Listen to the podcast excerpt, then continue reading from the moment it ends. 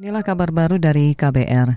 Saudara keluarga Brigadir Yosua Huta Barat kecewa dengan putusan kasasi Mahkamah Agung yang meringankan hukuman Verdi Sambo dan terdakwa lain.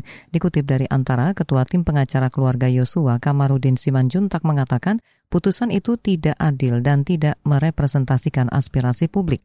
Kamarudin menduga ada lobby politik di balik ini sebab putusan pengadilan negeri dan pengadilan tinggi justru saling menguatkan. Seperti diberitakan sebelumnya, ex-kadif Propam Polri Verdi Sambo lolos dari jerat hukuman mati setelah Majelis Kasasi MA memperingan vonisnya menjadi seumur hidup. Istri Sambo, Putri Chandrawati juga mendapat potongan hukuman dari 20 tahun menjadi 10 tahun. Kemudian ajudan Sambo, Riki Rizal, dari 13 tahun menjadi 8 tahun, dan asisten rumah tangga Sambo, Kuat Ma'ruf, difonis 10 tahun dari sebelumnya 15 tahun penjara. Menteri Komunikasi dan Informatika Budi Ari Setiadi mengeklaim sudah memblokir lebih dari 40 ribu aplikasi dan konten perjudian online termasuk Higgs Domino Island sejak dilantik sebagai menteri.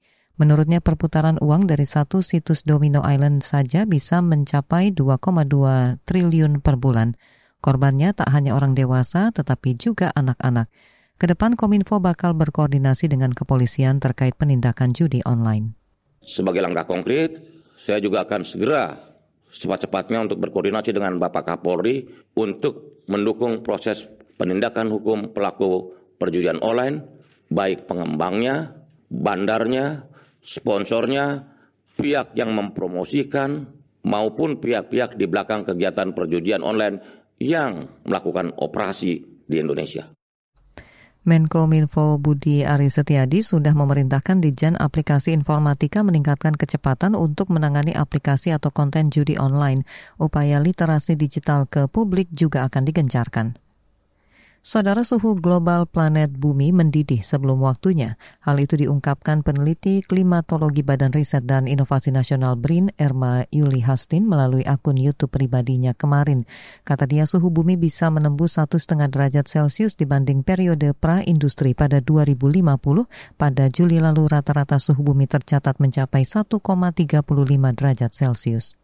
Faktanya, saat ini 2023 kita sudah di titik 1,35 derajat yang mengindikasikan bahwa kenaikan terjadi lebih cepat dari yang diproyeksikan. Inilah yang menggelisahkan para ilmuwan saat ini bahwa pada kenyataannya suhu global bumi ini ternyata jauh lebih cepat peningkatannya daripada yang diperhitungkan oleh para ilmuwan.